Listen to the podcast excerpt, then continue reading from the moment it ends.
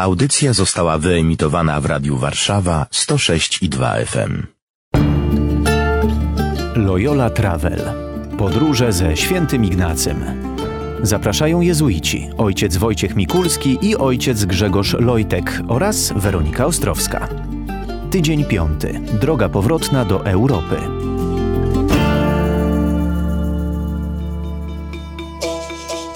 Z opowieści pielgrzyma.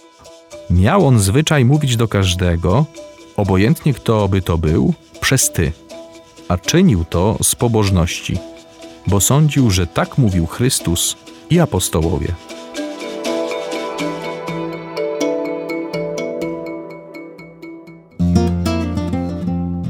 Przemierzamy kolejne szlaki Italii. Z Ferrary wybieramy się wspólnie ze świętym Ignacym do Genui. 280 kilometrów na nogach. Całkiem spory dystans po raz kolejny i znów jesteśmy nad morzem, tym razem nad Morzem Liguryjskim. W Genui warto odwiedzić katedrę San Lorenzo, co Państwu też bardzo serdecznie polecamy. A my porozmawiamy o tym, jak się zwracać do ludzi. Czy trzeba mówić tak jak święty Ignacy na ty i czy to mówienie na ty jest oznaką szacunku i tego, że wszystkich traktujemy równo? Ignacy w swoich kontaktach z osobami to miał bardzo duży szacunek do drugiej osoby. Myślę, że Dzisiaj jest to trochę w pewien sposób temat trudny, bo nam się trochę wydaje, że my zwracając się po imieniu, zwracając się na ty, co w niektórych miejscach pracy jest takim trochę przymusem, nawet, że na dzień dobry wszyscy sobie mówią po imieniu. I wydaje się, że to skraca dystans, że to pomaga w komunikacji, a wcale tak nie musi być, bo to, czy ja się zwracam do kogoś po imieniu, czy ja mówię proszę pana, proszę pani, to jest tak naprawdę sprawa drugorzędna i mówiąc proszę pana, proszę pani, ja mogę drugą osobę obrażać, ja mogę drugą osobę szanować mówiąc po imieniu również mogę obrażać, mogę szanować, a mogę pokazać, że ja szanuję tę drugą osobę. W czasach Ignacego może to było trochę takie dziwactwo z jego strony. To znaczy myślę, że może tak ludzie, którzy go otaczali, mogli to tak odbierać. A dlaczego on do wszystkich mówi na tych? Chyba w tamtych czasach takiego zwyczaju specjalnie nie było. Nie, raczej nie było. Były to czasy, kiedy te formuły były zwracano na nie uwagę, nawet do takiego stopnia, gdzie używano określenia pani matko, czyli w rodzinie dodawano te elementy grzecznościowe. My dzisiaj myślę, że poszliśmy trochę również w skrajność, ale w drugą stronę. Tak jak moglibyśmy powiedzieć, dobrze, tam przesadzano bo używamy takich właśnie, dodajemy takich grzecznościowych tytułów u najbliższych. Tak, my dzisiaj poszliśmy w drugą stronę i tych elementów grzecznościowych nie ma, czy zanikają w rodzinie, gdzie dzieci do rodziców mówią po imieniu, gdzie w pracy, gdzie wśród znajomych bardzo szybko przechodzimy na taki element e, właśnie niby skracania dystansu, a to nie jest najważniejsze. O wiele ważniejsze jest mój szacunek do drugiej osoby, wyrażający się chociażby w tym, czy ja słucham tę drugą osobę. Czy ja słucham, co ona mówi, jaki komunikat mi przekazuje, co chce mi powiedzieć, czy ja widzę drugą osobę z jej potrzebami, czy widzę przedmiot, który może zaspokoić moje pragnienia, moje potrzeby też, czy ja potrafię mówić do drugiej osoby, mówić o sobie, o swoim życiu.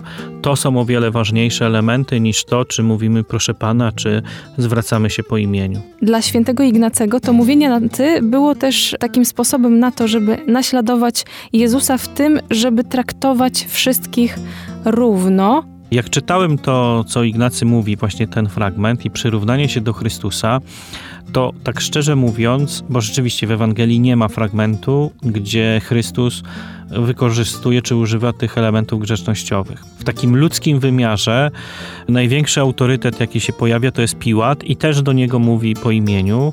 Tylko, że jak tego się słucha, czy jak o tym się czyta, to to wydaje nam się zupełnie normalne, naturalne. U Ignacego, jak pierwszy raz to czytałem, to przyznam, że trochę mi zgrzytało. Zgrzytało w tym sensie, że trudno mi było sobie wyobrazić, że on do, rzeczywiście do wszystkich zwracał się na ty. Dzisiaj myślę, że Ignacy był bardzo, zresztą to też jest w innych fragmentach, jest dosyć oszczędny w słowa. On bardziej słuchał niż mówił. I rzeczywiście jestem sobie dzisiaj w stanie wyobrazić, że on rzeczywiście do każdego mówił po imieniu. Miejmy na uwadze również to, że on się wychowywał na dworze czyli e, on znał te środowiska nawet z tych wyższych poziomów, bo w takim środowisku się wychowywał. On to nie, był, to nie była osoba z, powiedzmy z nizin społecznych, która nagle sobie uświadomiła, że e, dobrze muszę coś zrobić i dla niej był to jakiś awans społeczny. Tu dla Ignacego to nie był żaden awans społeczny, to co on robił.